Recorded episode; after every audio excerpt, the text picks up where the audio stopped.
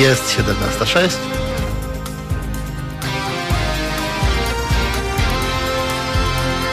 Tu Halo Radio. Mówimy wszystko. Zaczynamy Halo Komentarze. Na dziś mówić wszystko. Wszystko będę Państwa ja, Paweł Moskolewicz i oczywiście e, Państwo i moi goście. To są Halo Komentarze w czwartek, 18 marca. Jak zawsze będę z Państwem przez prawie najbliższe dwie godziny, dokładnie do 18.45. Dziś, tak jak mówiłem, 18 marca, czyli 77 dzień roku. Do końca roku pozostało 288 dni. Zobaczcie Państwo, jaka fajna, e, fajny układ cyfry. 77 dzień roku, 8, 288 dni. E, najlepsze imieninowe życzenia składamy Balbinom, Benedyktom, Dominikom, Janom, Konstantym, Konstantynom, Sylwią, Swietłanem i Teresą cóż, proszę Państwa, dzisiaj się zdarzyło. Dzisiaj szczęśliwie nie ma jakichś masakrycznych, e, masakrycznych rocznic.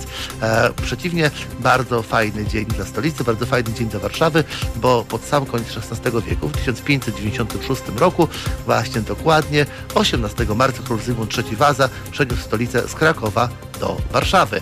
Zaś w 1990 roku przeprowadzono pierwsze demokratyczne wybory w NRD. No i wreszcie niestety liczba dnia, liczba dnia nie jest wesoła. Mamy prawie 28 tysięcy nowych zakażeń koronawirusem. System zaczyna się załamywać. Na Mazowszu nie ma już ani jednego wolnego miejsca w szpitalach. Dlatego właśnie przed wszystkim pandemii o koronawirusie będziemy dziś rozmawiać w Halo Komentarzach.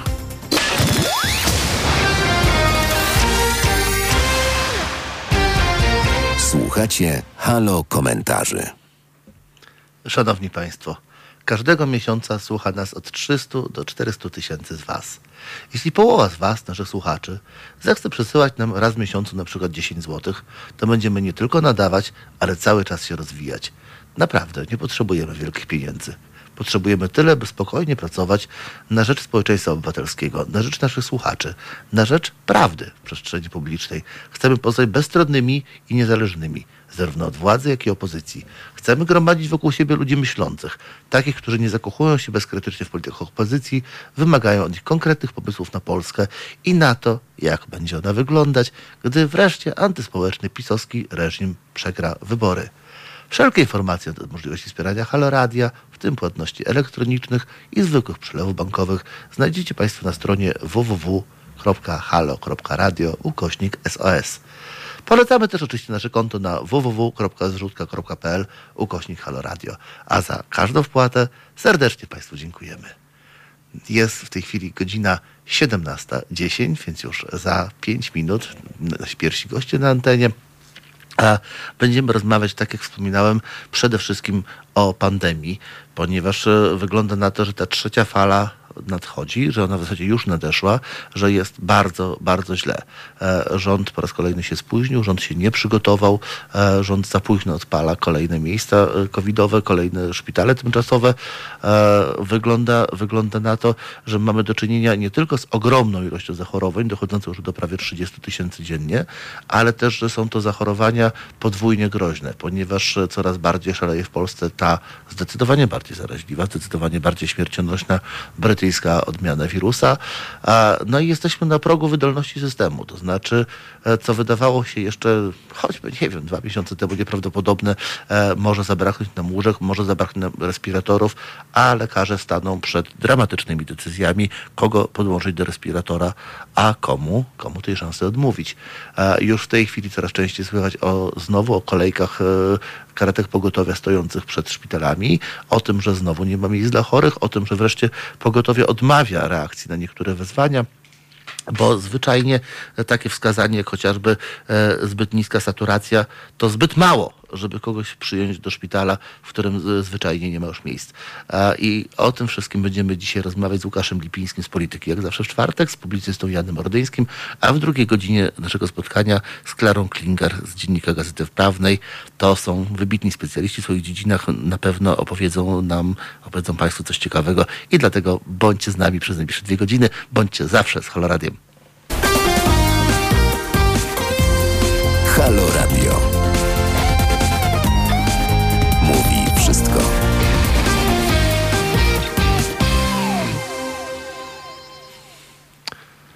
Paweł Moskolewicz, to są Halo Komentarze w Halo Radio.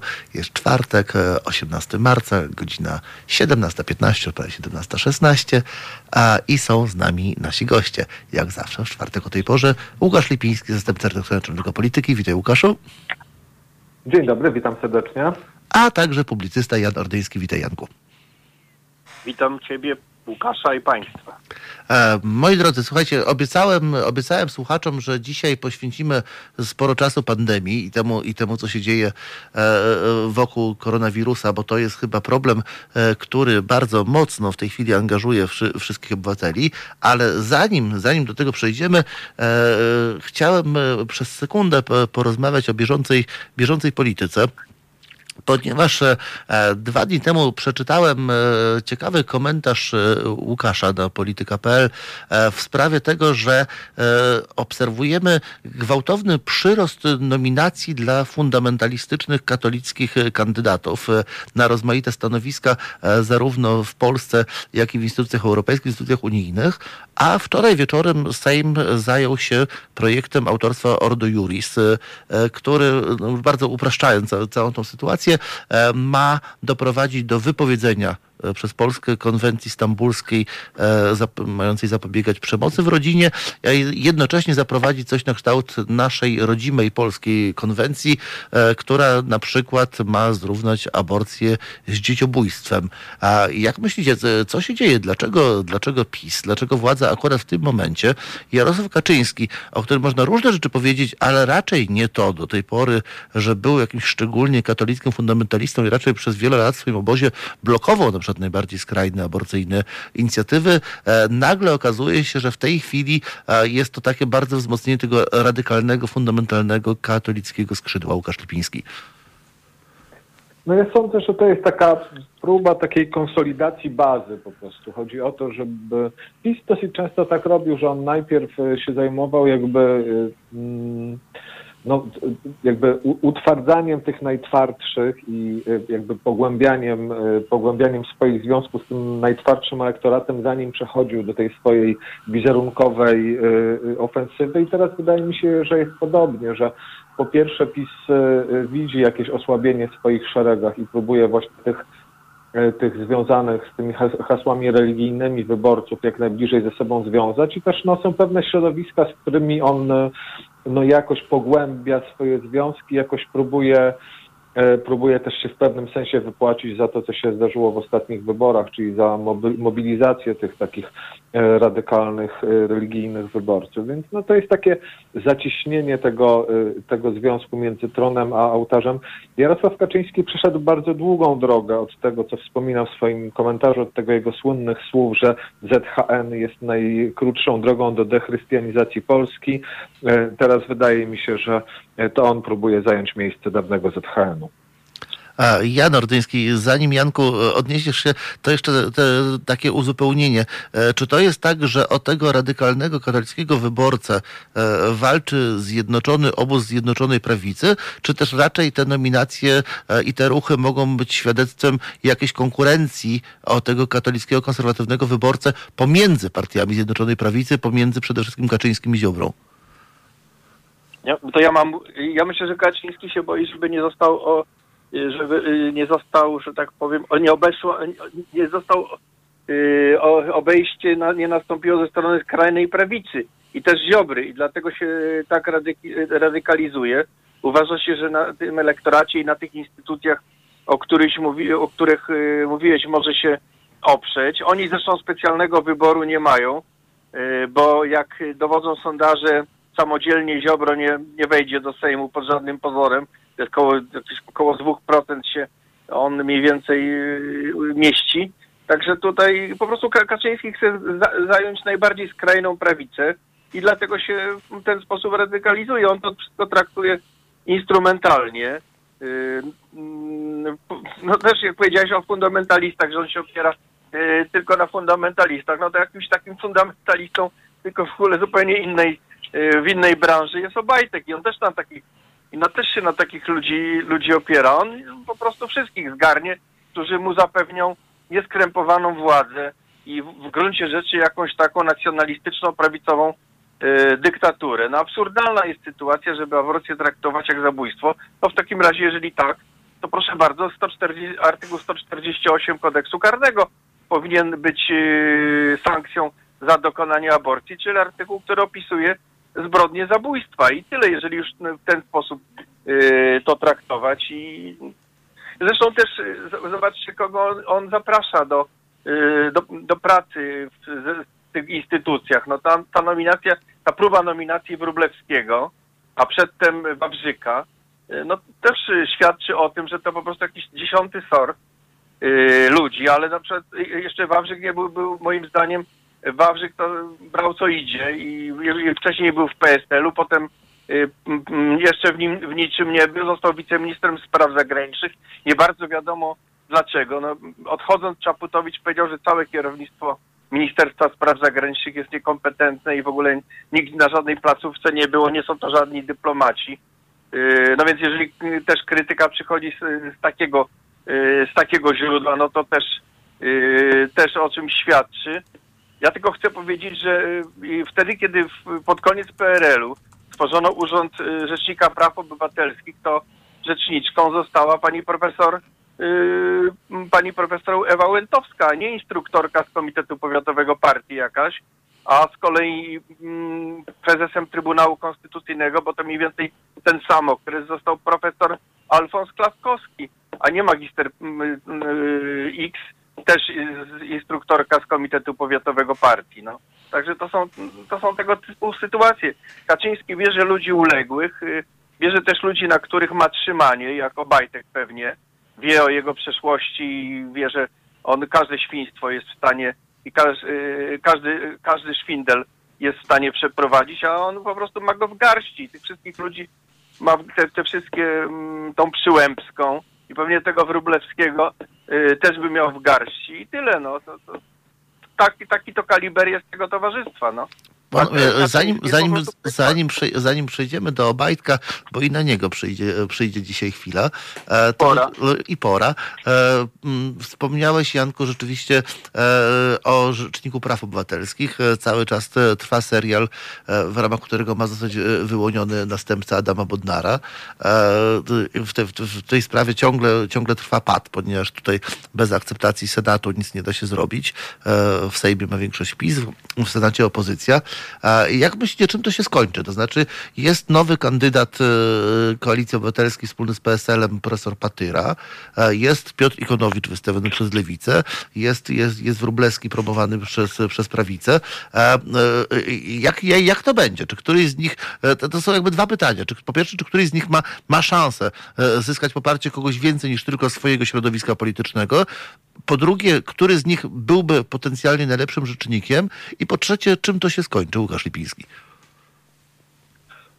No, bardzo dużo pytań. Ja może odpowiem na, na jedno z nich, e, jeśli chodzi o polityczne szanse. Rzeczywiście ten e, pomysł e, posła Wróblewskiego, oprócz tego, że jest jakby takim ukłonem w sprawie, sprawie tych fundamentalistów, którzy, ja się akurat w jego wypadku, czy w jego, czyli w wypadku ostatnich nominacji dla przedstawicieli Ordo Juris, to tutaj akurat nie uważam, że to jest taka nominacja pod hasłem mierne, ale wierne. To bardziej jest właśnie ukłon w stronę katolickich fun- fundamentalistów i takich osób, które dla tego coraz bardziej pragmatycznego obozu władzy mają dostarczyć takiego ideowego żaru, prawda? Że no nie tylko sama, sami Obajtkowie Fanatycznego, może nie ideowego, tylko fanatycznego. no, to już e, zwał jak zwał. No, w każdym razie mają dostarczyć e, swego rodzaju ideologii. Już wiemy, jak, jaka ideologia temu obozowi ma teraz przyświecać właśnie, e, właśnie taka. Jeśli chodzi o szanse natomiast, to rzeczywiście tam stoi za tym jakaś kalkulacja polityczna, to znaczy jak rozumiem, możliwość e, głosowania za, e, za posłem Wróblewskim na stanowisko Rzecznika Praw Obywatelskich zgłosił e, senator PSL-u e, Jan Libicki, który, Jan Filip Libicki, który no, wcześniej nawet był w PiSie przecież i był związany z prawicą. E, Być może będzie za nim głosowała także senator niezależna Lidia Staroń, co by oznaczało e, taką sytuację 50 na 50. Więc w zasadzie jedna absencja, jedna jakaś e, przygoda w rodzaju posła Dyki, jeżeli ktoś jeszcze pamięta, mogłaby sprawić, że jakimś tam jednym głosem przez Senat poseł Wróblewski się jednak przedostanie, tak? W wypadku Przerwę ci na 5 sekund, Łukaszu, przypominając naszym młodszym słuchaczom, którzy mogą tego nie pamiętać, bo było to już blisko 20 lat temu, e, rząd Hanny Suchockiej, rząd AWS-u upadł poprzez to, że poseł Dyka ugrzązł w sejmowej toalecie. To był minister sprawiedliwości jeszcze na dodatek w rządzie Suchockiej. Tak. Mecenas Dyka. Tak, tak, tak. Tak, mecenas Dyka, Dy, Dyka rzeczywiście doprowadził do upadku e, rządu Hanny Suchockiej właśnie w takiej sytuacji. Myślę, że na coś takiego, na coś takiego w tej sprawie może, e, może liczyć PiS, bądź też na to, że, że tak powiem, pomoże temu przypadkowi, gdzieś po cichu jest z jednym senatorem się dogada, łatwiej się dogadać z jednym senatorem niż z trzema. Także uważam, że to nie jest taka jakby kalkulacja polityczna pozbawiona zupełnie podstaw. Jeśli to się nie uda, to pewnie PiS pójdzie w stronę jakiegoś sposobu w ogóle yy, neutralizacji stanowiska Rzecznika Praw Obywatelskich, bo PiSowi jakoś specjalnie nie zależy na tym, żeby mieć swojego Rzecznika Praw Obywatelskich. PiSowi zależy na tym, żeby mu żaden rzecznik nie bruździł. Więc jeżeli dojdzie do powołania jakiegoś PO bądź też innej próby po prostu neutralizacji e, rzecznika, to myślę, że Jarosław Kaczyński będzie zadowolony. Jan Ordyński? W odwodzie jest y, magister Przyłębska i Trybunał, w razie czego jakby e, nie wyszło Dokładnie. to głosowanie, bo jest ten wniosek, który czeka na rozpoznanie, żeby uznać, iż yy, profesor Bodnar nie może być pełniącym obowiązki rzecznika, że to jest niekonstytucyjny przepis ustawy o Rzeczniku Praw Obywatelskich, że on powinien ustąpić w dniu, kiedy zakończyła się jego kadencja i nie wolno tego przedłużać w ten sposób, chociaż, yy, chociaż no, yy, przecież właściwie magister Przyłębska jest nadal pełniącym obowiązki prezesa Trybunału Konstytucyjnego, bo tak ona została powołana. Ona nie jest y, powołana zgodnie z przepisami na, y, na na to, ale, że, ci wejdzie, że ci wejdzie słowo, ponieważ wielokrotnie tutaj podczas naszych rozmów y, na antenie Haloradia e, jakby apelowały się taką jedność opozycji, o jednoczenie się wokół wspólnych kandydatów. Tak, tak, e, I o, tak. o, o, co pytam? E, czy myślisz, że kiepskim kandydatem całej opozycji na rzecznika byłby Piotr Ikonowicz, którego też bardzo trudno byłoby zwalczać PiSowi jako tego bohaterskiego obrońcę uciśnionych? Myślę, że prędzej tym e, wspólnym kandydatem może zostać profesor Patyra z Uniwersytetu, prawnik z Uniwersytetu Kompletnie nijaka, kompletnie nijaka kandydatura, w odróżnieniu od Ikonowicza, który jest jakiś. Tak, no. E, no tak, tylko że Ikonowicza na pewno PSL nie zaakceptuje i Platforma przypuszczam, że też nie, znaczy ta koalicja obywatelska. W związku z tym, jeżeli już, że tak powiem, no że ja wiem, no, no nie jest to kandydatura kalibru Bodnara czy wcześniejszych rzeczników praw obywatelskich, bo w zasadzie no, wszyscy rzecznicy poprzedni, y, którzy sprawowali ten y, urząd, to byli ludzie o właściwościach i kompetencji, i przeszłości, i dorobku i tak dalej. Nawet wybrany, nawet wybrany przez głosami pierwszego PiSu doktor Kochanowski, no też był człowiekiem, który do, no, ten urząd należycie sprawował. No ale teraz po prostu oni chcą zrównać to. Ja się zgadzam z Łukaszem, że oni im jest wszystko. Oni by ten urząd najchętniej zlikwidowali, albo by spowodowali, żeby był przed, albo jeżeli nie, to żeby był nieczynny. No właśnie poprzez, tak, poprzez to działanie yy, tego tak zwanego Trybunału Konstytucyjnego, żeby to drzwi do urzędu zabić gwoździami i tyle. No, szyld będzie wisiał tam, ale to będzie kompletnie nieczynny urząd. Zresztą ja uważam, jeżeli ktokolwiek z PiSu tam by miał przyjść, Toż ten urząd jest też pewną instytucją. Tam są ludzie znakomici, których zresztą ciągle odbierano im pieniądze, którzy mm, mm, pracują tam bardzo ideowo, bo pensje z tego, wiem po prostu jak tam to wygląda, są bardzo niskie, bo ciągle od, od, od zmniejszano budżet, PiS zmniejszał budżet Urzędu Rzecznika Praw Obywatelskich, ale tam jest fantastyczny zespół, niezwykle kompetentnych, oddanych ludzi. Na tym też polegała moc Bodnara i wszystkich innych rzeczników od y, Ewy Łętowskiej, która tworzyła ten urząd a PiS to przyjdzie i po prostu zniszczy tak jak Trybunał. No bo w Trybunale też, że tak powiem, yy, nie, nie ma, mm, jakby to powiedzieć, osobistości wyróżniających się, a wcześniej to był mm, wiel, y, Trybunał Wielkich Rabinów przecież. Y, I tutaj, I tu musimy na chwilę postawić kropkę. Po krótkiej przerwie będziemy rozmawiali o bajtki, o pandemii. Z nami są Łukasz Lipiński, Jan Ordyński. Zostańcie Państwo z nami.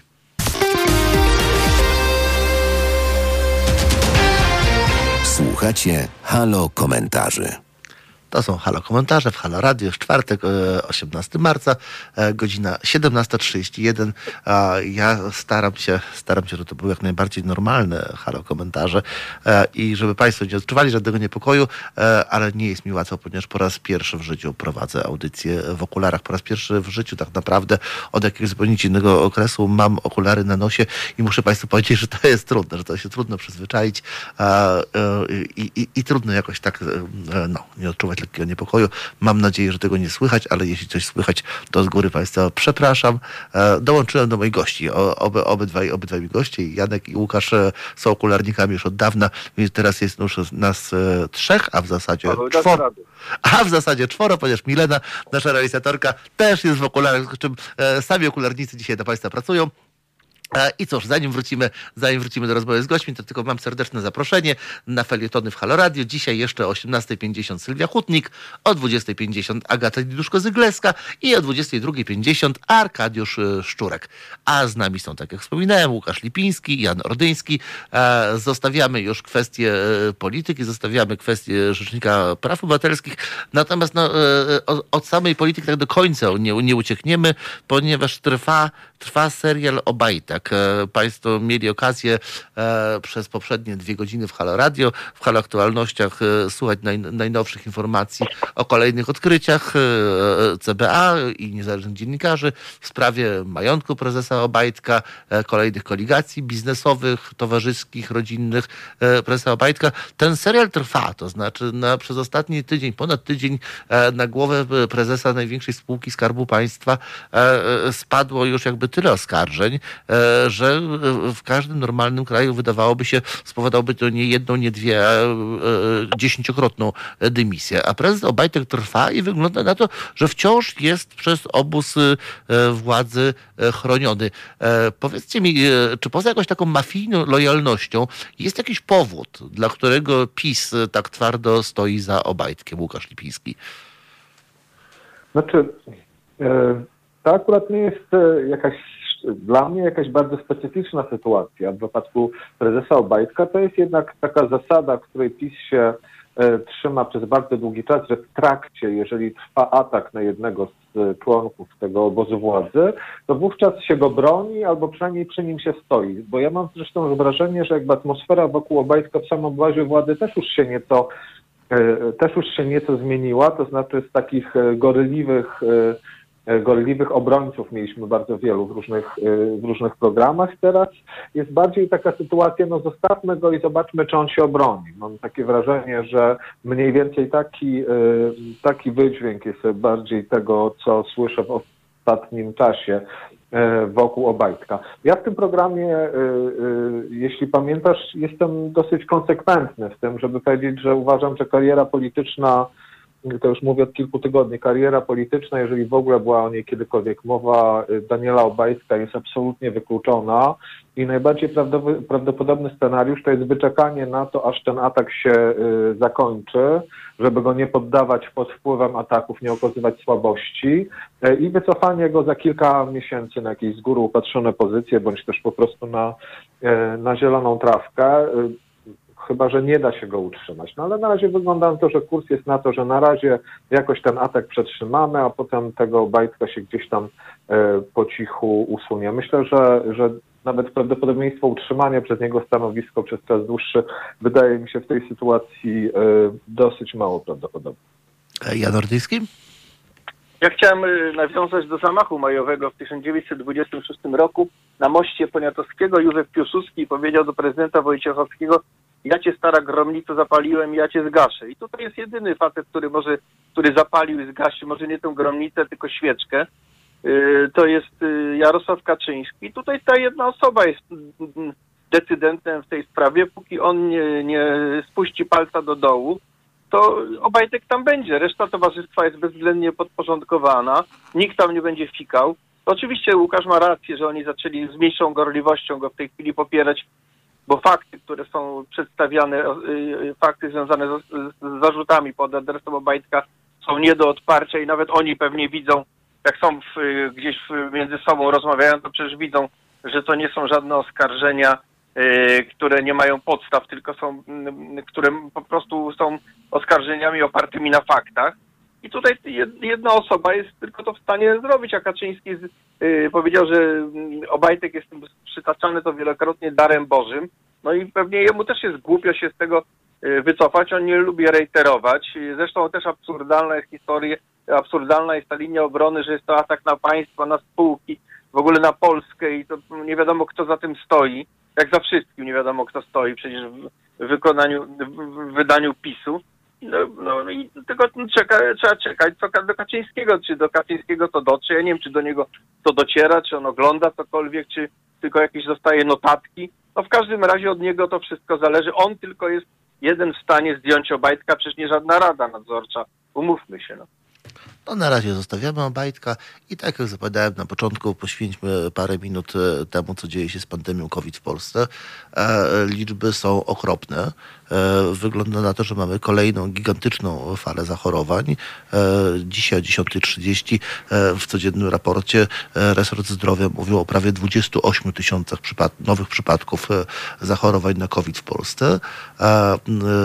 Rosną nam, rosną zachorowania, rosną zgony i wygląda na to, że po raz kolejny jesteśmy nieprzygotowani. To znaczy zarówno te takie centralne dane, jak i doniesienia medialne pokazują, że system jest na skraju wydolności, a ja dzisiaj jakby w skali mikro, e, rozmawiając przez telefon z, moją panią doktor, e, usłyszałem taką poradę, niech pan się podwójnie strzeże COVID-u, bo w tej chwili jest najgorszy moment, żeby zachorować, zwłaszcza z jakimś ciężkim przebiegiem, ponieważ na przykład u nas na Mazowszu nie ma w szpitalach ani jednego miejsca.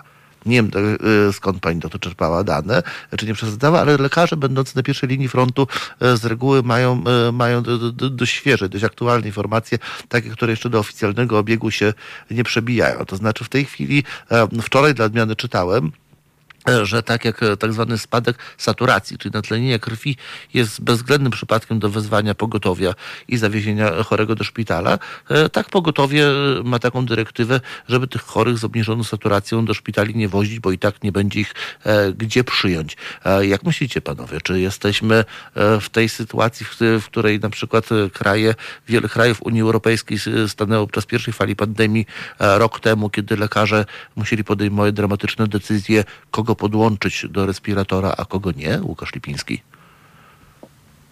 Znaczy tutaj trochę, trochę ciężko mi jest e, mówić o tym, no bo e, już nawet w naszym programie rozmawiamy o tym naprawdę od kilku tygodni. O tym, że będzie nadchodziła ta trzecia fala, wiedzieliśmy już od dłuższego czasu. E, Rząd był przestrzegany na ten temat przez osoby, które dużo lepiej o tym wiedzą ode mnie, czyli e, przez ekspertów.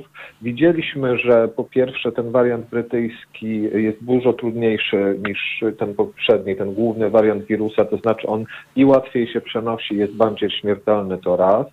Widzieliśmy po drugie, że liczba miejsc w szpitalach zaczęła się zapewnia, zapełniać dużo szybciej niż podczas poprzednich, poprzednich fal pandemii. No i w tej chwili zmierzamy niestety w stronę scenariusza listopadowego, znaczy scenariusza, mieliśmy do czynienia podczas drugiej fali jesiennej wirusa, podczas której, no przypomnijmy, że zmarło w Polsce nadprogramowo kilkadziesiąt tysięcy, e, kilkadziesiąt tysięcy osób i obawiam się, że że za chwileczkę będziemy świadkami takich scen. Właśnie w Polsce się de- demonizuje to, co się wydarzyło y, w krajach zachodniej Europy na początku pandemii, bo tak naprawdę y, największe nasilenie, jeżeli chodzi o liczbę y, ofiar śmiertelnych w Europie, to tak właśnie była Polska w listopadzie 2020 roku. Gorsza sytuacja była zgodnie ze statystykami wyłącznie, wyłącznie w Bułgarii. Ostatnio też zła sytuacja jest, jest u naszych południowych sąsiadów, czyli u Czechów, u Czechów i Słowaków. Także y, nie ma tu co się porównywać do, do Lombardii. U nas już było gorzej niż w Lombardii. W listopadzie u nas było gorzej niż w Lombardii. Więc y, no, w tej chwili stoimy w sytuacji, w której rząd y, dosyć rozpaczliwie próbuje wykonywać ruchy, które powinno się wykonać kilka tygodni wcześniej. Znaczy z jednej strony zaostrza się restrykcje, co przyniesie, jeśli przyniesie skutki, to za kilka tygodni, a jednocześnie bardzo szybko, na ile to jest możliwe, próbować zwiększać możliwości służby zdrowia. To jak wiemy nie jest możliwe przede wszystkim ze względu na problemy kadrowe, więc kilka, y, tu należy się zgodzić z twoją panią doktor, że te najbliższe tygodnie to jest absolutnie najgorszy możliwy czas na to, żeby się zarazić koronawirusem. Jan Ordyński? Ja się w pełni zgadzam z tym, co Łukasz, y, co Łukasz powiedział, tylko dodam, że Łukasz powiedział o demonizowaniu przez y, pisowską ekipę Europy Zachodniej, bo chodziło i o to, żeby pokazać, jak to i Unii Europejskiej, jeszcze teraz doszła Unia Europejska, że sobie kompletnie nie daje rady, a przecież my Herosi się znakomicie, yy, że tak powiem, znaleźliśmy w tym, w tym morzu nie, niemożności Unii Europejskiej. Przecież wygrywaliśmy wa- walkę w lecie, wygraliśmy walkę z COVID-em. Yy, Morawiecki mówił, że już jesteśmy, w ogóle nie ma o czym mówić. Jeszcze kilku innych podskakiwiczy mniej więcej yy, tego typu yy, kłamstwa nam serwowało. Ja nie wiem, czy jakakolwiek ekipa by sobie z tym y, była w stanie tak poradzić, bo rzeczywiście to jest y, straszna, y, straszne zdarzenie, z którym mamy do czynienia i na pewno znacznie bogatszym krajom, Niemcom też jest bardzo trudno, oni mają, Brytyjczycy teraz wychodzą jakoś z tego wszystkiego y, przy pomocy, y, przy pomocy szczepionki, ale po prostu tej naszej ekipie nie można ufać. Ja bym po prostu tyle kłamstw od nich usłyszałem na temat pandemii, w, niedawnej przeszłości, a właś, właściwie jeszcze kilkanaście dni temu serwowano nam przecież te, te kłamstwa i nie, nieprawdziwe opinie, że teraz po prostu nie, mam do nich zaufania i cokolwiek by oni nie powiedzieli na ten temat.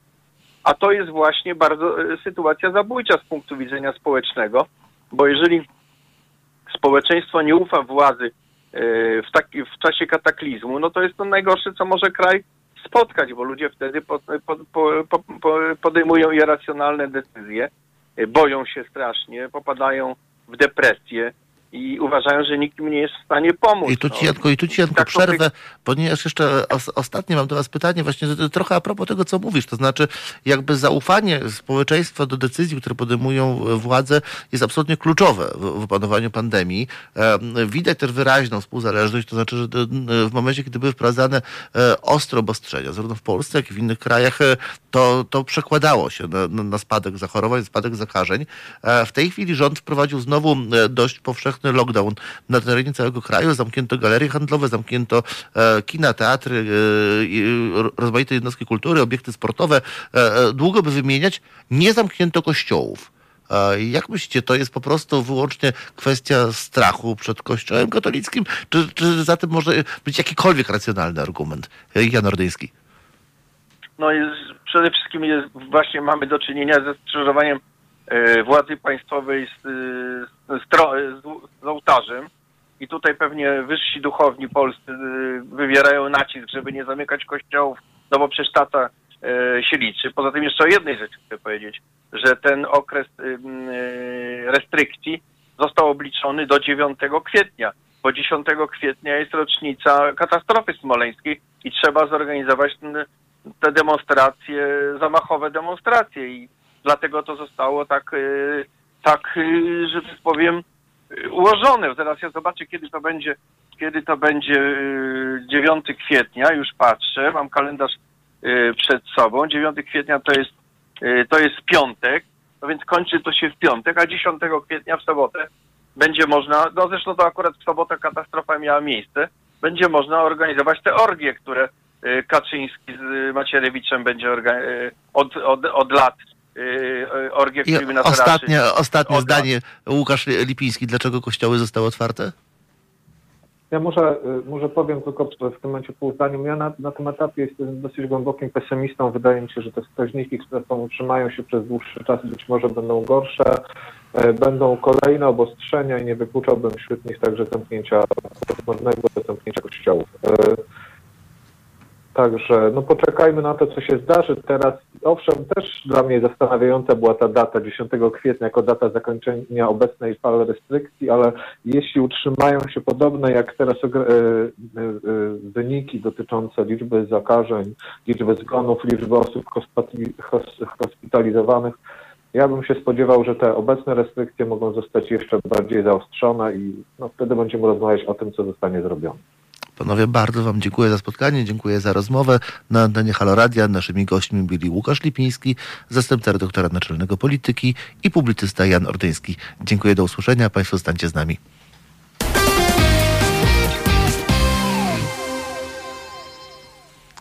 I jest godzina 17.50, to są Halo Komentarze w Halo Radio w czwartek, 18 marca przy mikrofonie Paweł Muskorewicz. E, Będę miał przyjemność zostać z Państwem jeszcze prawie godzinę, bo do 18.45. E, e, Cóż, bardzo zachęcam Państwa, tradycyjnie zachęcam do aktywnego udziału w naszej audycji. E, Halo Radio to radio obywatelskie, to radio robione dla obywateli. E, I cóż, bardzo, bardzo potrzebujemy kontaktu z Państwem. Chcemy wiedzieć, e, co Państwa interesuje, co Państwa ciekawi. E, Przed chwilą zajrzałem na naszego e, Halo Radiowego Facebooka e, i tak z reguły znajduję tam rozmaite Państwa komentarze, Państwa pytania. Tak dzisiaj, dzisiaj cisza, także e, poczułem się nieswojo i bardzo, bardzo Państwa zachęcam, bardzo proszę, e, piszcie, komentujcie na YouTubie, na Facebooku, e, piszcie nas maile, na nasz e-mail teraz małpa halo.radio. Dzwońcie, dzwońcie na antenę 22 39 059 22. To jest telefon, pod którym zarówno można zadać pytanie, można zgłosić jakiś postulat, a jak też można się bezpośrednio połączyć z prowadzącym, można się połączyć z naszymi gośćmi, można zadać pytanie, można się włączyć do dyskusji, do czego Państwa bardzo serdecznie zachęcamy. Nasza, nasza audycja dzisiaj w znacznej mierze poświęcona koronawirusowi, ponieważ ponieważ e, liczby nie są dobre, e, prawie 28 tysięcy zachorowań e, wczoraj, co dzisiaj rano ogłosiło Ministerstwo Zdrowia, ale nawet nie o liczbę, proszę Państwa, chodzi. To znaczy wygląda na to, że po prostu znowu stało się bardzo niebezpiecznie. Kilka rzeczy. Służba zdrowia nie jest przygotowana na nadchodzącą kolejną falę koronawirusa. My nie wszyscy, po- powiedzmy to sobie jasno i otwarcie, zachowujemy się rozsądnie. Oczywiście, oczywiście wszyscy mamy dosyć wirusa, mamy dosyć lockdownu, mamy dosyć ograniczeń. E, to życie z, wirusem, już e, bliskoroczne życie z wirusem e, jest trudne, ale dlatego, że się do niego przyzwyczajamy i, dla, i dlatego, że mamy go dosyć, czasami zachowujemy się mniej rozsądnie. A proszę Państwa, trzeba sobie powtarzać, ten wirus istnieje. Ten wirus mutuje. Ten wirus mutuje w coraz groźniejsze e, odmiany. Ten wirus e, zabija. E, I z tego, co mówią lekarze, to nie tylko mamy oddziały covidowe pełne, ale mamy też na tych oddziałach coraz więcej młodych ludzi. Przyjęło się uważać, że to choroba, która niebezpieczna jest przede wszystkim dla, dla osób starszych. Otóż okazuje się nieprawda. E, tych staruszków, nazwijmy ich, e, jest na oddziałach covidowych coraz mniej. E, także dlatego, że w zasadzie szczepienia najstarszych, najstarszych osób już się już zakończyły, oni są w większości zaszczepieni, a więc w miarę bezpieczni, a więc miarę, chronieni. Natomiast te nowe mutacje coraz chętniej, coraz podstępniej atakują, atakują młodych ludzi. I tak jak jeszcze jakiś czas temu lekarze mówili, że w momencie kiedy jesteś młody, e, to wirus specjalnie nie zrobi ci nic złego, przechorujesz jak- jakieś przeziębienie, grypkę. E, Tak w tej chwili coraz częściej słychać, że wylądował na oddziale człowiek e, lat 50, 40 czy nawet 30. E, Wyglądał całkiem nieźle i po kilku dniach już nie żył. Proszę Państwa, to co mówił nasz gość e, Łukasz Lipiński, e, podsumowując na, nasze spotkanie w pierwszej godzinie halo komentarzy, e, teraz jest najgorszy moment na to, żeby zachorować. E, Służba zdrowia jest na skraju wytrzymałości. E, Służba zdrowia jest bardzo e, w takim stanie, że nie bardzo będzie nam w stanie pomóc. Jesteśmy zdani na siebie, na naszą odporność, na naszą ostrożność, na nasz rozsądek. Musimy zrobić wszystko, żeby jakoś do tych szczepień doczekać i zanim będziemy zupełnie bezpieczni, żeby się nie zarazić. Bo proszę Państwa, warto, warto żyć. Już za chwilę w Halo Radio o 18 wiadomości, a potem kolejna godzina, gdzie z Klarą Klinger z Dziennika Gazety Prawnej znowuż będziemy rozmawiać o pandemii i jej kolejnych, kolejnych aspektach. Zostańcie Państwo z nami.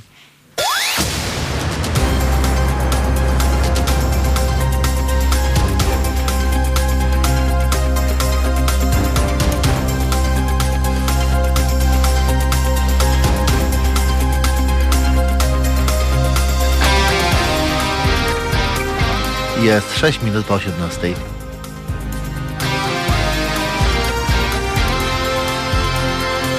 Halo Radio. Mówimy wszystko. To są Halo komentarze. Paweł Moskalewicz, to są Halo Komentarze w czwartek, 18 marca, a ja będę z Państwem jeszcze przez mniej więcej 40 minut do godziny 18.45. Mamy dziś 77 dzień roku, a więc do końca roku pozostało 288 dni. Dziś imieniny Balbiny, Benedykta, Dominika, Jana Konstantego i Konstantyna, Sylwii, Swietłany i Teresy. Wszystkim Państwu wszystkiego najlepszego ode mnie i od całej załogi Halo Radia. Dzisiaj mamy warszawskie święto, bo dokładnie 18 marca w 1596 roku król Zygmunt III Waza podjął decyzję o przeniesieniu stolicy z Krakowa do Warszawy. Od tego czasu, proszę Państwa, Warszawa rządzi, bo ja jestem lokalnym patriotą. W 90 roku przeprowadzono pierwsze wolne wybory w Niemieckiej Republice Demokratycznej, co oznaczało koniec komunizmu we wschodniej części Niemiec. E, I jeszcze liczba dnia. Naszą liczbą dnia dzisiaj jest e, 27 300. Prawie 28 tysięcy nowych zachorowań na COVID-19 w Polsce. Proszę Państwa, e, trzecia fala pandemii uderzyła już z całą siłą, a specjaliści mówią, że to dopiero początek i że w połowie kwietnia będziemy mieli prawdziwy szczyt zachorowań. E, Jesteśmy już na skraju załamania wydolności systemu opieki zdrowotnej. E, Co dalej z pandemią i jak sobie z nią radzić, będziemy rozmawiali już za chwilę z Klarą Klinger z dziennika Gazety Prawnej. To są Halo Komentarze. Szanowni Państwo, każdego miesiąca słucha nas od 300 do 400 tysięcy z Was.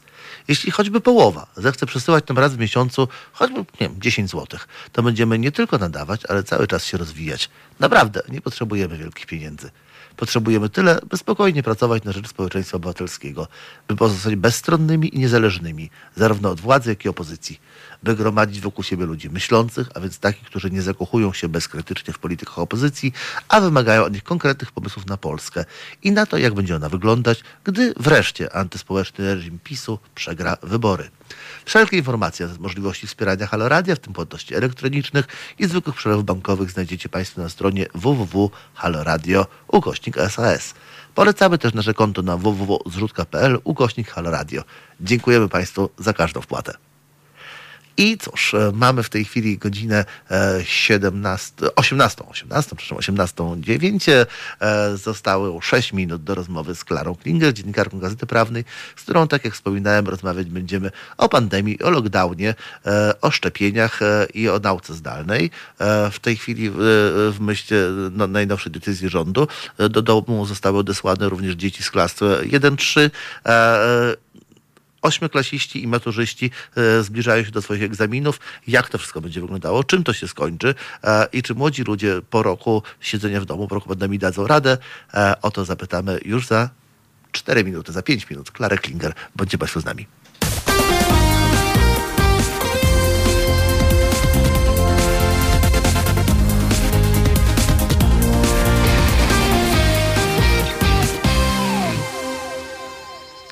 Jest 18.15, to są Halo komentarze e, w Halo Radio. Jest czwartek, 18 czerwca, a gościem w tej chwili e, Państwa i moim jest pani Klara Klinger, dziennikarka Dziennika Gazety Prawnej.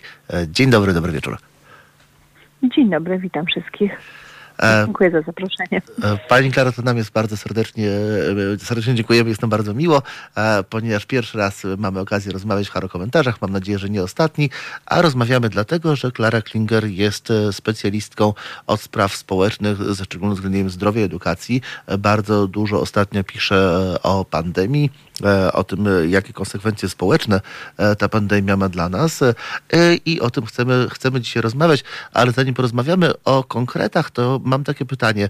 E, Wszyscy patrzymy z przerażeniem na te rosnące słupki, na te rosnące wykresy.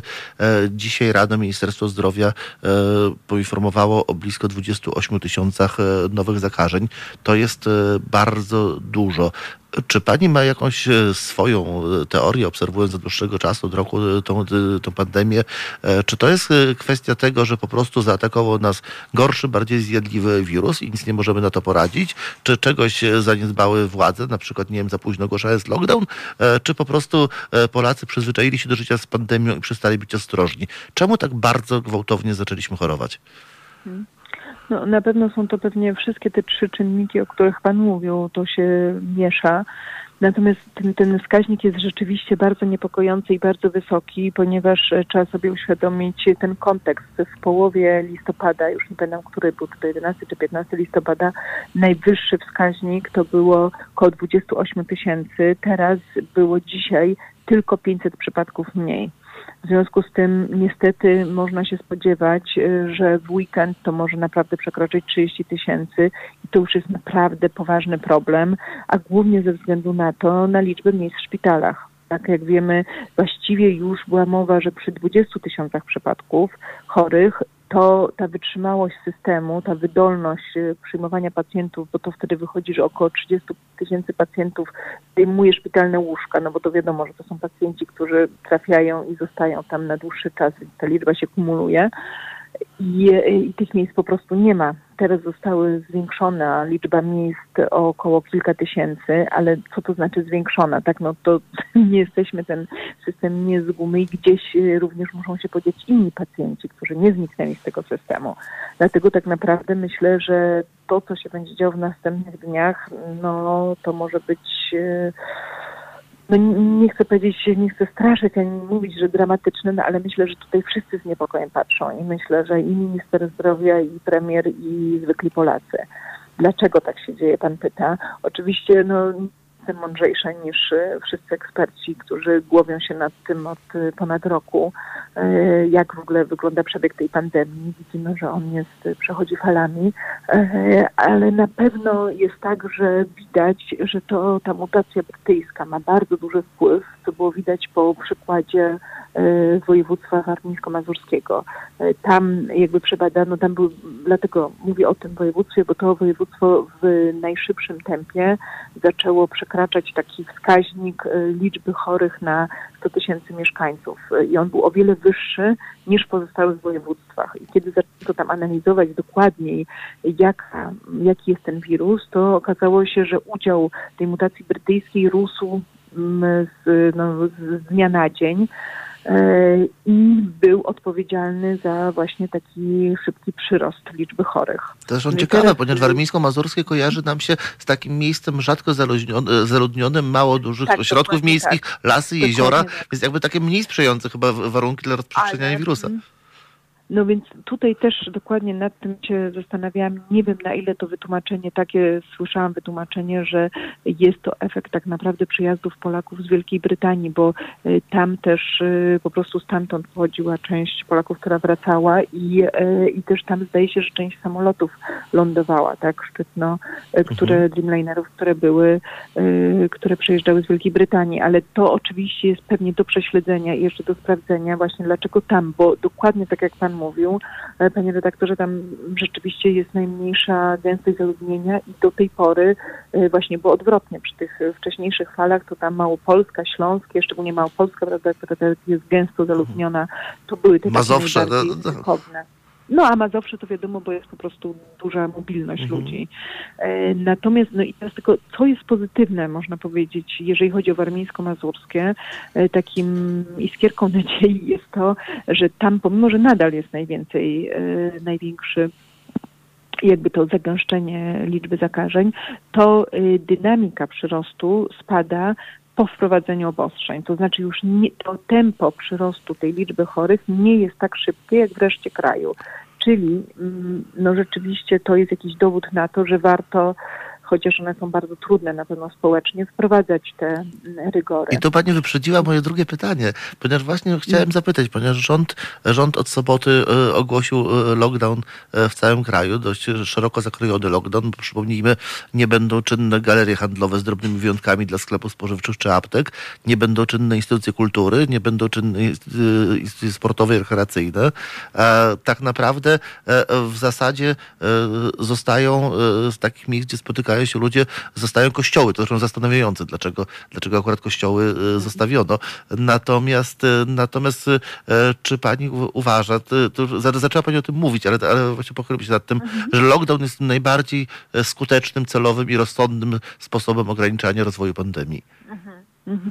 To tak naprawdę jest jedynym obecnie nadal, pomimo szczepionki, jedynym naj, najszybszym i najskuteczniejszym, no po prostu fizycznie zrobienie bariery, żeby nie, nie dopuścić do rozprzestrzeniania się e, wirusa. I, e, i tak naprawdę to pan mówi o takim bardzo mocnym, mocnym zamknięciu kraju, tymczasem jeszcze można bardziej zamknąć i szczerze mówiąc, tak to by brzmiewało z wypowiedzi zarówno e, ministra Dworczyka, jak i ministra zdrowia Adama Niedzielskiego, że mm, jeżeli będzie gorzej, to być może będą jeszcze, e, jeszcze bardziej rygorystyczne te e, obostrzenia wprowadzane, czyli może być na przykład zakaz jakiejś mobilności. Znaczy nie mówię, że to tak, że to jest w planach, mówię tylko co jeszcze nam pozostało, tak, z tych mhm. różnych instrumentów, które można by wprowadzić. Tak jak było, prawda, w pewnym momencie, że nawet był e, właściwie zakaz wychodzenia z domu, prawda, znaczy, że tylko za potrzebami takimi jak wyjście do sklepu czy, mhm. E, czy do lekarza. Więc niestety jest tak, że to może być jeszcze, jeszcze gorzej, jeżeli chodzi o ograniczenie naszej wolności, no bo tak, tak to inaczej się tego nie da nazwać. Natomiast no, dosyć takie niepokojące jest też to, że, no, że nie wiadomo, teraz się zrobiła z kolei taka napięta sytuacja ze szczepieniami, która jest drugim mm, tym, tą metodą, którą można, e, którą stosujemy w walce z, z wirusem i z pandemią. Tymczasem z tego, co słyszymy, no, coraz więcej osób yy, odnawia, nie przechodzi na te szczepienia. W związku z tym w ogóle nie wiadomo, co się będzie działo. I do szczepień za chwilkę, przej za chwilkę przejdziemy. Jeszcze mam tak. jedno pytanie w kontekście e, lockdownu, ponieważ e, odesłano też e, do domów dzieci z klas 1-3, które do tej pory uczyły się, uczyły się w szkołach e, i jakby nie bez powodu te, te dzieciaki uczyły się w szkołach, ponieważ to są dzieci w takim wieku, że wymagają opieki, w związku z czym ich wycofanie ze szkół do domów oznacza e, uwięzienie jakiejś tam grupy, nie, nie, nie potrafię oszacować może pani e, powie, powie, powie nam, e, ile to może być. Osób, znaczy ilu rodziców nie chodzi do pracy w momencie, kiedy dzieci 1-3 e, zatrzymuje się w domu? Znaczy da się tylko to tak wyliczyć, nie mam oczywiście cyfr, tych cyfr w głowie, no ale te roczniki są powiedzmy około e, no niecałe 400 tysięcy, czyli to jest ponad milion, e, ponad milion dzieci, pewnie milion sto dzieci to dotyczy, e, czyli tych rodziców, no jak nie milion, to, to na, nawet do dwóch milionów, prawda, znaczy, bo to się dzielą, czy pracują częściowo z domu, więc, więc no na pewno myślę, że... że no ale stała masa branż, oczywiście, gdzie, gdzie ludzie nie mogą pracować z domu, jest, jest to potworne obciążenie dla, dla gospodarki gospodarki?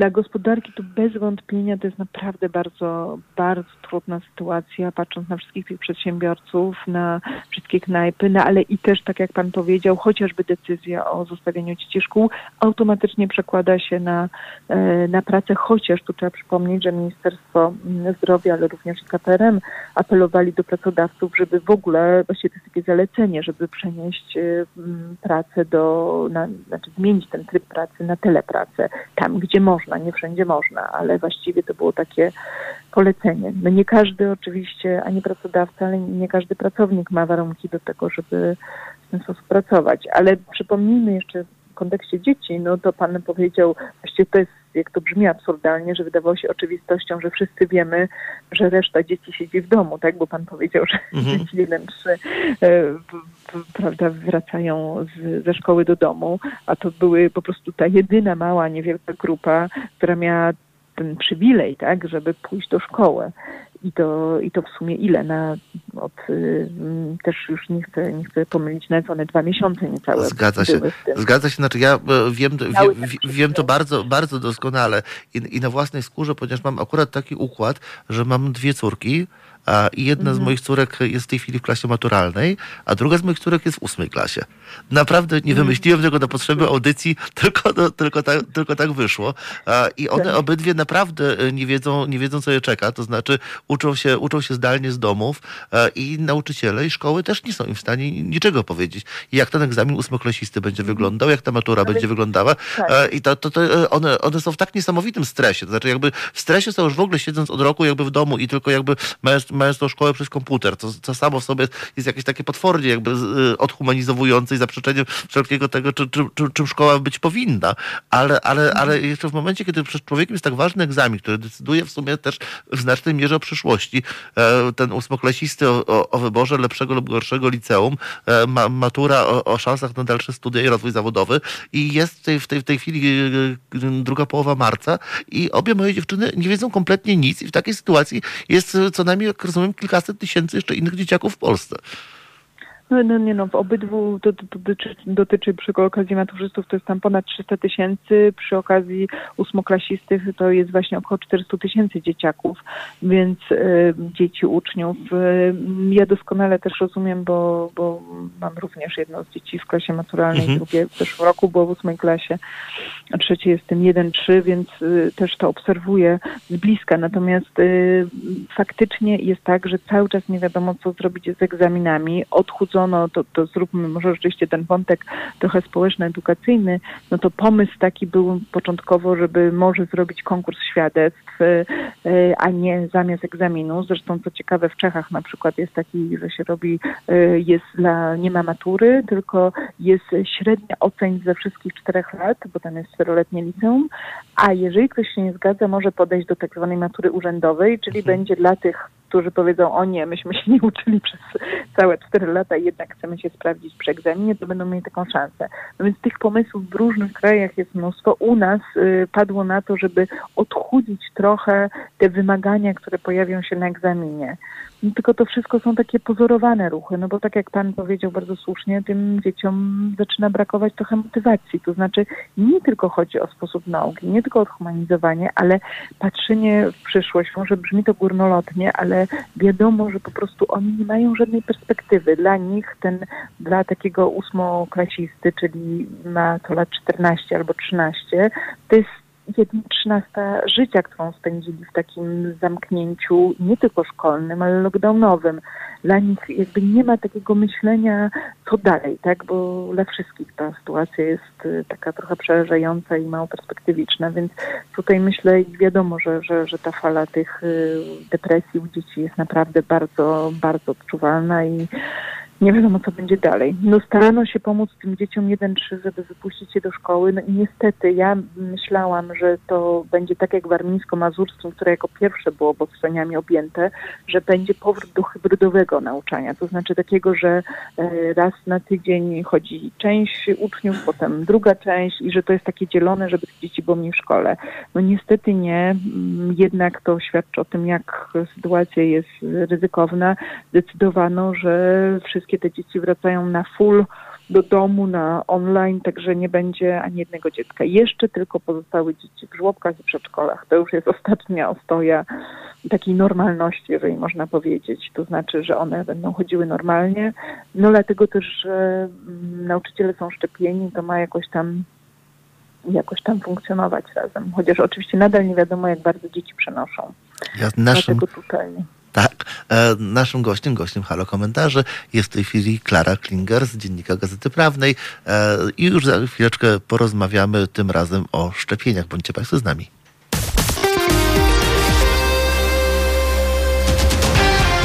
Słuchacie Halo Komentarzy.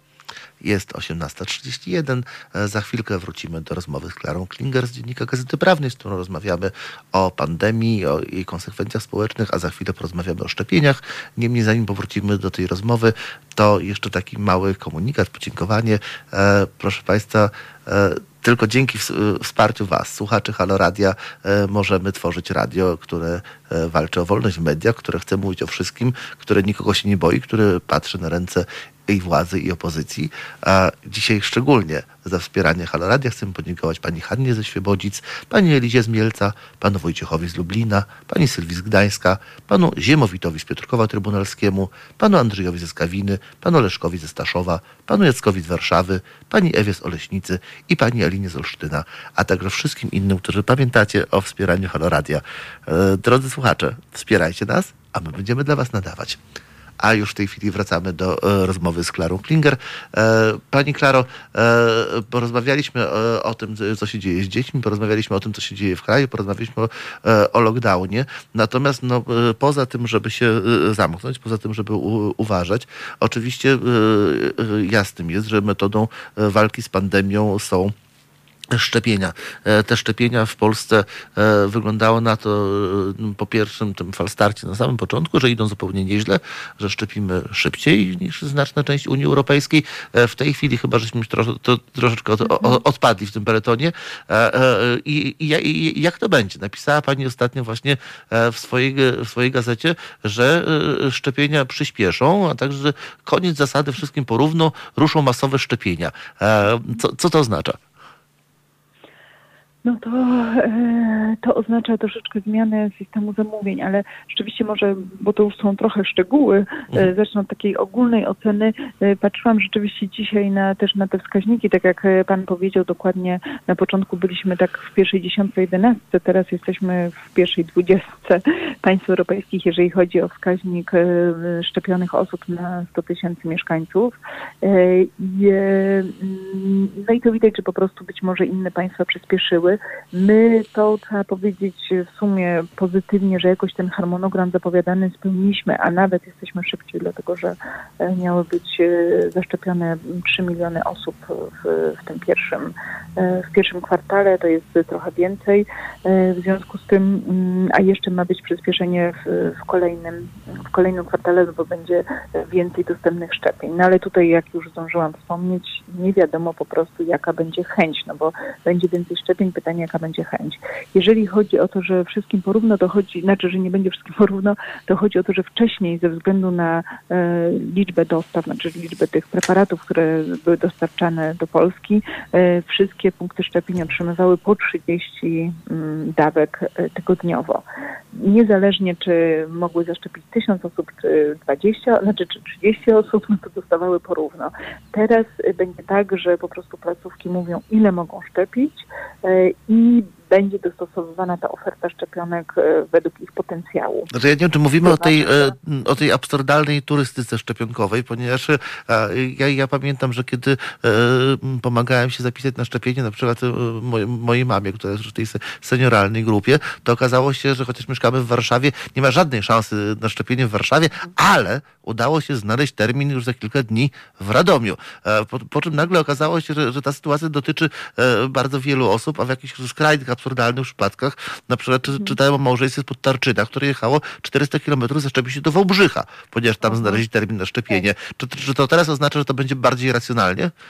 No, miejmy nadzieję, tak, znaczy na zdrowy logikę, tak, to powinno, e, powinno być bardziej racjonalnie, to znaczy, że w dużych miejscowościach są też duże placówki mające duży ten potencjał, tak jak chociażby szpital tymczasowy, e, czy, czy, czy nie wiem, w Gdańsku e, Uniwersyteckie Centrum Kliniczne szczepi, oni to mówią, że nawet mogą po- ponad tysiąc osób szczepić tygodniowo, nawet półtora tysiąca osób, więc to są te duże szpitale i to wiadomo, że w tych dużych punktach, ale te, te duże szpitale są też tam zlokalizowane, gdzie jest y, duża populacja.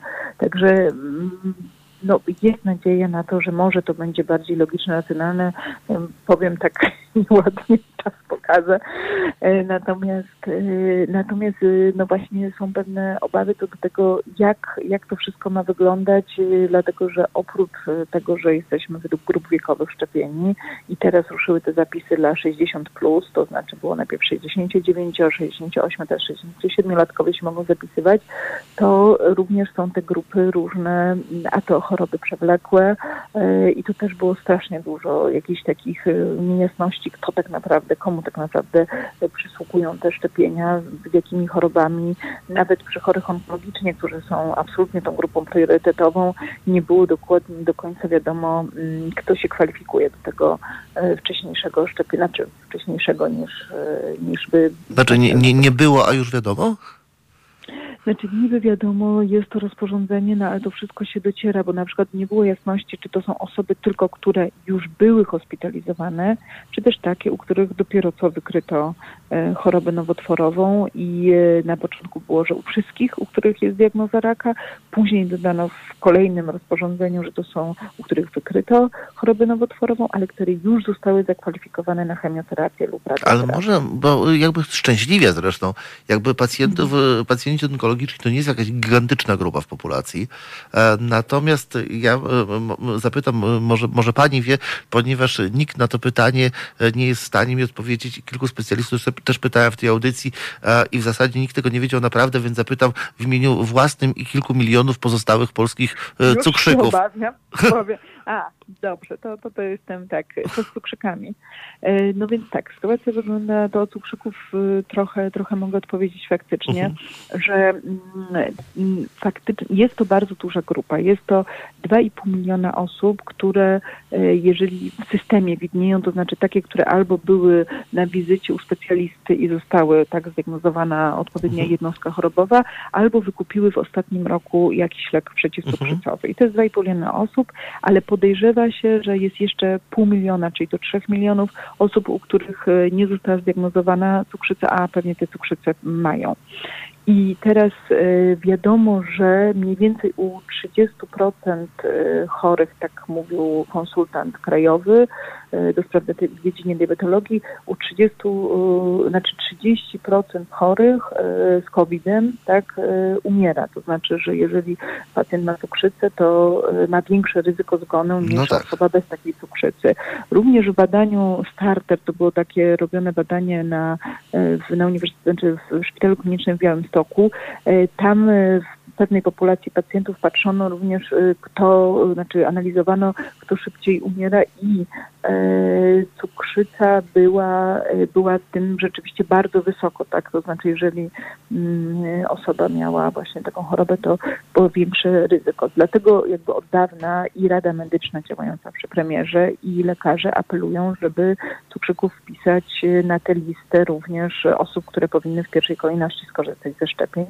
Niestety no tutaj ministerstwo i KPRM mówią może nie wprost, a m- czasem mniej lub bardziej, że to jest zbyt duża populacja. To znaczy, że na razie nie ma na to szans, żeby wpisać ich m, jako osoby, które wcześniej by się zaszczepiły, czy równolegle, czy wcześniej niż osoby starsze, czyli osoby 60 plus.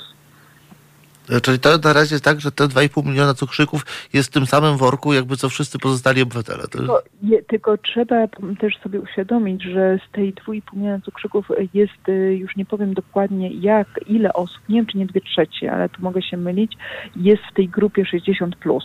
W związku z tym mają szansę ze względu na PESEL, na wiek, e, otrzymać te szczepienia wcześniej. No ale jedna trzecia to są, a właśnie, no to jedna trzecia to są te osoby młodsze niż 60 lat i tutaj właśnie w tym badaniu Starter było pokazane, że w szczególności u tych młodszych e, pacjentów to cukrzyca jest wyjątkowo obciążającym e, czynnikiem. Więc w sumie też powinni właśnie być e, objęci tą szybszą ścieżką. Myślę, że tu rozmowy będą trwały, no zobaczymy. Zobaczymy. Też jest tak, że nie wiadomo, co, jak będzie wyglądało szczepienie tą AstraZeneką, bo bardzo wiele osób rezygnuje z tego szczepienia. A, To no znaczy, właśnie, e, mamy dzisiaj jakieś niesamowite porozumienie Nie dusz, zostanie. ponieważ któryś kolejny raz e, pani rzeczywiście przewiduje moje pytanie, bo o to, o to chciałem na pani zapytać. Tak, no to, no to, to rezygnuję, tak, znaczy ja po prostu tutaj y, minister Dworczyk dzisiaj mówił o tym, ale też potwierdzają to szpitale, że od kilkunastu do kilkudziesięciu procent jest odmów y, przyjęcia tego szczepienia, pomimo że EMA, i tu też należy zaznaczyć, czy Europejska Agencja Leków, dzisiaj również ogłosiło, że ta szczepionka naprawdę jest bezpieczna i przynosi więcej korzyści niż, y, niż ryzyka. Zbadano mniej więcej, chyba udowodniono, też proszę te, te cyfry podaję, ale nie jestem na 100% pewna, tam zajęło się Mhm. 7 przypadków na kilkadziesiąt milionów tak osób, które były szczepione. To nie jest dużo, u których wykryto te, mm, te przypadki zakrzepów, które były bardzo, bardzo yy, niebezpieczne. Tak tam doszło również do zgonu. No 7 przypadków na kilkadziesiąt milionów nie jest to więcej niż średnia jakby populacyjna tak występowania tej choroby. No ale pomimo to jednak ta, ten wizerunek AstraZeneca i ta obawy przed tym szczepieniem e, są bardzo duże i ludzie po prostu nie przychodzą. Więc to się może wydarzyć. Może się wydarzyć, że te szczepionki po prostu będzie, no będą trzeba szybko zużyć szczepionki, które nie zostały wykorzystane przez osoby uprawnione do, e, do przyjęcia tych szczepień. Więc być może mm, szybciej będą te młodsze roczniki wchodziły do, do harmonogramu, do tego do kolejki. To jeszcze pytanie takie, ponieważ jeszcze ma, zostało nam dwie minuty programu. E, e, Jak pani uważa, bo pani zapewne, y, jak przygotowując swoje teksty, rozmawia wiele z lekarzami, specjalistami, z wirusologami, z zakaźnikami, e, ale też jakby spe- spe- specjalistami sz- sz- szerszych spe, specjalności.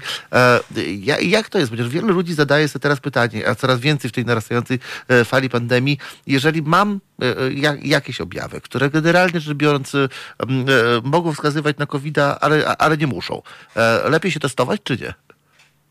Czy lepiej się testować? Tak. Zdecydowanie tak. I to...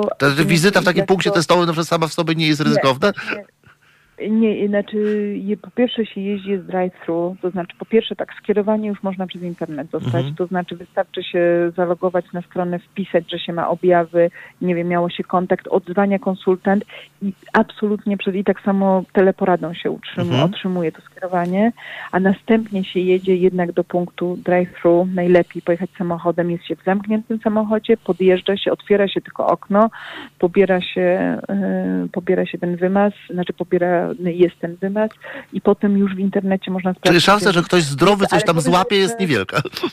Niewielka i powiem jeszcze jedną rzecz, może tu na koniec. Ma to sens również z tego powodu, że wchodzi ten certyfikat y, szczepionkowy, nie wiem, czy Green Pass, y, różnie jest to nazywane, czasem i paszport, y, w którym będą, będzie zaznaczone, czy przeszliśmy szczepienie, ale uwaga, również to, kiedy przeszliśmy chorobę.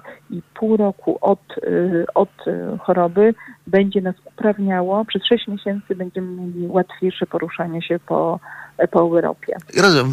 Wymaz nam tak, mówi, tak. czy jesteśmy chorzy, zakażeni teraz, a dla odmiany Tak. e, ten, e, ten test antygenowy mówi nam, czy mamy przeciwciała, czyli czy byliśmy zakażeni kiedyś.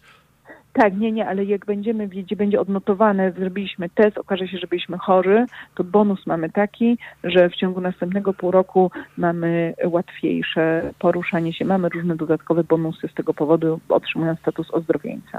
Proszę Bez Państwa, zrobienia testu nie będziemy wiedzieli, że I, ty, i, tym. I tym będziemy kończyli naszą arcyciekawą rozmowę. Mam nadzieję, że pani Klara będzie jeszcze przyjmować e, zaproszenia do rozmowy na antenie Halo Radia. Za dzisiaj bardzo serdecznie dziękujemy. Proszę Państwa, i taki w takim razie nasz apel. Testujmy się, bo warto. Testujmy się, bo warto, e, e, ponieważ naprawdę lepiej wiedzieć le, e, niż nie wiedzieć, a jeszcze przy okazji możemy mieć e, z tego bonus. Na tym kończymy dzisiejsze czwartkowe Halo Komentarze. E, już za chwilę o godzina 18.45, o godzinie 19.00 wiadomości, a potem Adam Bysiek. Ja słyszę się z Państwem już za tydzień o 17.00. Do usłyszenia, do zobaczenia. Bądźcie Państwo z Halo Radiem. To były Halo Komentarze. Na kolejny program zapraszamy jutro o godzinie 17.